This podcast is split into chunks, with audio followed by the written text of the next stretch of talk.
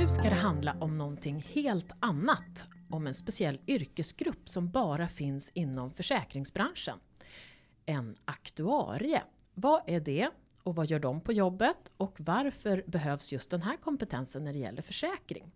Med mig idag har jag vår egen aktuarie Kia Buranokol, Issa. Välkommen! Tack så mycket.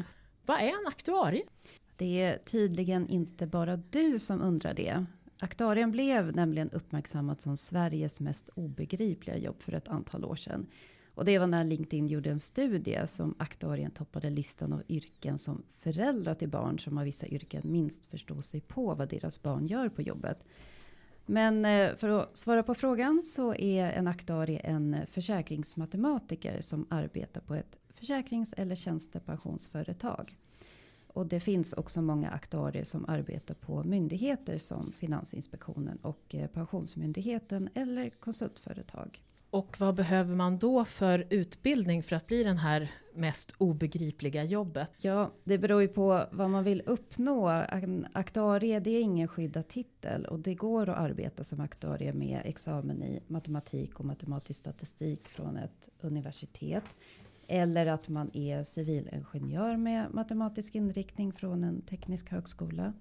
Men om man skulle vilja investera i sin karriärsutveckling så kan man gå aktuarieprogrammet och det är ett masterprogram på Stockholms universitet och det är också Sveriges enda aktuarieprogram. Och där läser man kurser bland annat inom försäkringsmatematik, försäkringsjuridik, försäkringsredovisning och eh, nationalekonomi. Och med hjälp av det här aktuarieprogrammet så kommer man också väldigt nära målet med att uppfylla Finansinspektionens krav på ansvarig aktuarie. Eller om man då via Svenska aktuarieföreningen vill bli diplomerad aktuarie.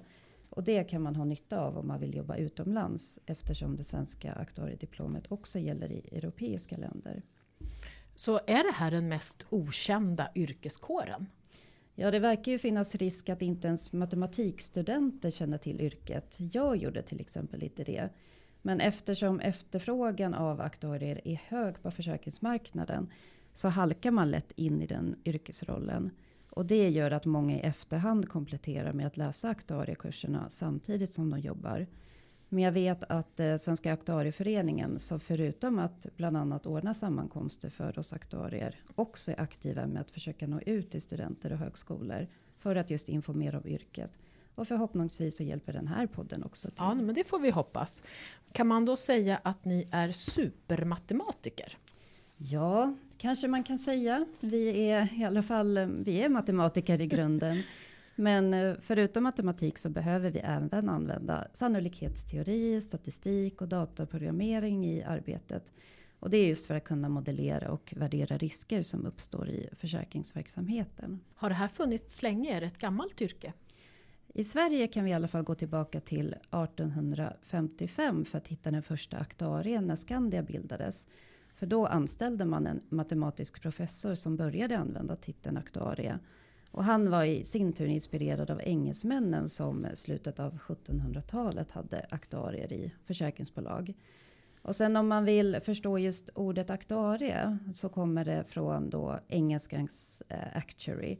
Och det i sin tur går tillbaka till latinets actuarius. För att där i antika Rom så hade man en actuarius som arbetade med akter eller dokument. Så det kommer därifrån.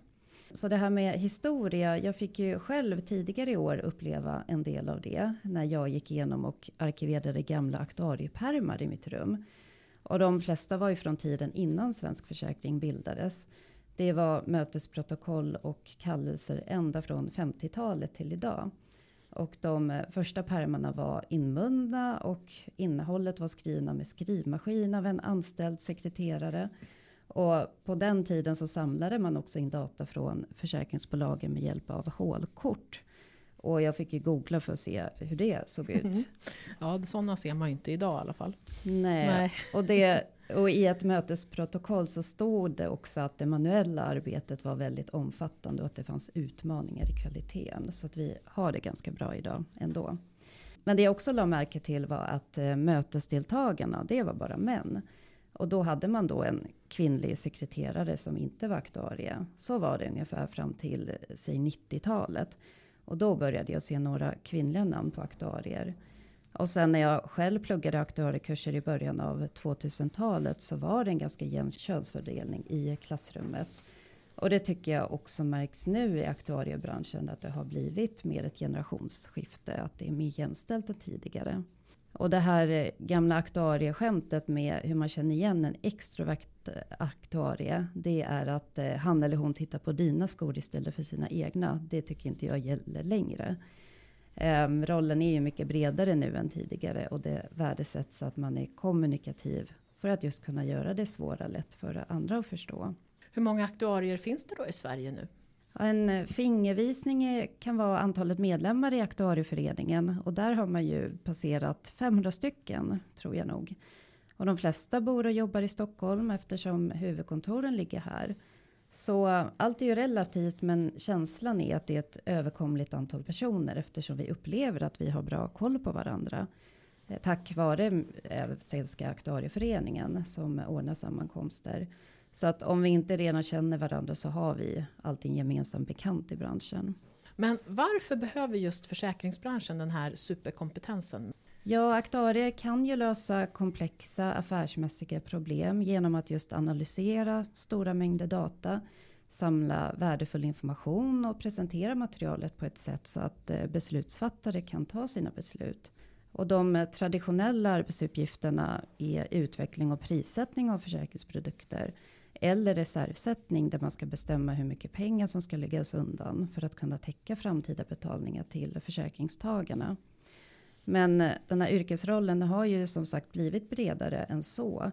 Och idag så finns aktörer även inom kapitalmodellering och där kan man titta på hur mycket exponerad företaget är för olika risker och hur mycket kapital ett företag måste ha.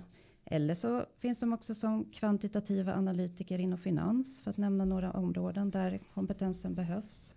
Sen är det ju inte vi som har hittat på att vi är viktiga i branschen, men utan det är ju försäkringsrörelselagen som säger att ett försäkringsbolag måste ha en ansvarig aktuarie på plats. Och det har varit lagkrav sedan början av 1900-talet. Och varför behöver vi just på Svensk Försäkring den här kompetensen? Svensk Försäkring är en branschorganisation för försäkrings och tjänstepensionsföretagen i Sverige. Och eftersom det finns krav på aktuell kompetens i de företagen så är det också underförstått att även Svensk Försäkring har den kompetensen. Så vad gör du här om dagarna på Svensk Försäkring? Ja, de, de aktuella frågeställningarna de kräver mycket data och eh, istället för att eh, försäkrings och tjänstepensionsföretagen blir begränsade till sina egna respektive bestånd så kan de som medlemmar via Svensk Försäkring driva arbeten som kan utgå ifrån större datamängd. Och det är för att möjliggöra bättre analyser och slutsatser som är närmare verkligheten. Då skickar företagen in data till oss som jag samlar in och analyserar tillsammans med referensgrupper som består av bolagens aktuarier. Och våra arbeten de mynnar ut i rapporter som vi publicerar till allmänheten så alla får ta del av dem. Och sen finns jag också till förfogande internt till mina kollegor. Till exempel inom statistikproduktionen. Där vi publicerar statistik om försäkringsmarknaden. Men också inom olika regelverk där det kan uppstå försäkringstekniskt behov. Vad har du för spännande projekt framöver? Ja, de stora arbetsuppgifter jag har just nu, det är att jag arbetar med att vidareutveckla den så kallade dödlighetsundersökningen tillsammans med en arbetsgrupp bestående av chefaktuarier och senioraktuarier från olika livbolag. Vi har ju samlat in data under 20 år från livbolagen för att kunna ta fram dödlighetsprognoser för de försäkrade. Till exempel, vad är den förväntade sannolikheten att en 60-årig kvinna med tjänstepension avlider under kommande året? Eller vad är den förväntade återstående livslängden för en 65-årig man som tecknat livförsäkring? Och den här vidareutvecklingen av undersökningen, det handlar bland annat om att vi tar fram mer detaljerade resultat än tidigare. Men även att vi ska undersöka den så kallade ekonomiska dödligheten. Och då mäter man den finansiella effekten när en försäkringstagare avlider. Det har inte gjorts tidigare, men det har ju under lång tid efterfrågats och funnits behov av. Så det ska bli väldigt spännande att se vad vi lyckas ta fram. Och eh, nu under maj så sammanställer jag också den årliga statistikinsamlingen gällande sjukolycksfall och sjukvårdsförsäkring som ska publiceras om några dagar. Och den här nya rapporten, när tror du den kommer då? Vi, ska, vi satsar på att släppa den i höst. Vad är det bästa med att vara aktuarie? Aktuarieyrket det är en etablerad och högprofilerad yrkesroll där aktuariens kunskaper är väldigt centrala och efterfrågade i försäkringsmarknaden. Och aktuarien är också rankat som ett av de bästa jobben i världen. Det visade en amerikansk jobbsajt som bedömde 200 yrken utifrån framtidsutsikter, stress, lön, fysiska krav och arbetsmiljö. Och eh, här är det väldigt mycket igenkänning. Vi aktuarier har det väldigt bra. Och vi vet att om man trivs bra med sitt jobb så tar man också med sig positiv energi hem. Och det leder oss till ytterligare en undersökning som Du gillar undersökningar? Jag gillar det väldigt mycket. Ja. I alla fall när det handlar om mig själv. så det är en undersökning som aktuaren också toppar. Och det är väldigt roligt att berätta om. Och det är att aktuarieyrket ger lägst risk för skilsmässa enligt några amerikanska forskare. Det var en väldigt rolig infallsvinkel tycker jag. Ja, och det finns ju bevis. Eh, tydligen så har man bevisat sedan tidigare att högre inkomst och högre utbildning leder till långa relationer. Och eh, min reflektion kring oss aktuarier är att vi inte behöver jaga kickar i livet eller Eh, utan alla val man gör är baserade på ett långsiktigt tänk. Man strävar efter stabilitet och älskar rutiner. Och är det så att man ändå har ett behov av förändring så brukar det räcka att man flyttar till ett nytt hem eller hittar en ny hobby och allt annat kan kvarstå. Det är min personliga reflektion. Um, och då avslutar jag där på topp med att ge lite inblick i en aktuaries värld. Allt från beräkningar till relationstips. Du har lyssnat på Försäkringssnack med Kia Buranakol Issa, aktuarie på Svensk Försäkring och mig Ulrika Loeb. Dödlighetsundersökning och material kring den hittar du på vår webb och i avsnittsbeskrivningen. Vi hörs igen!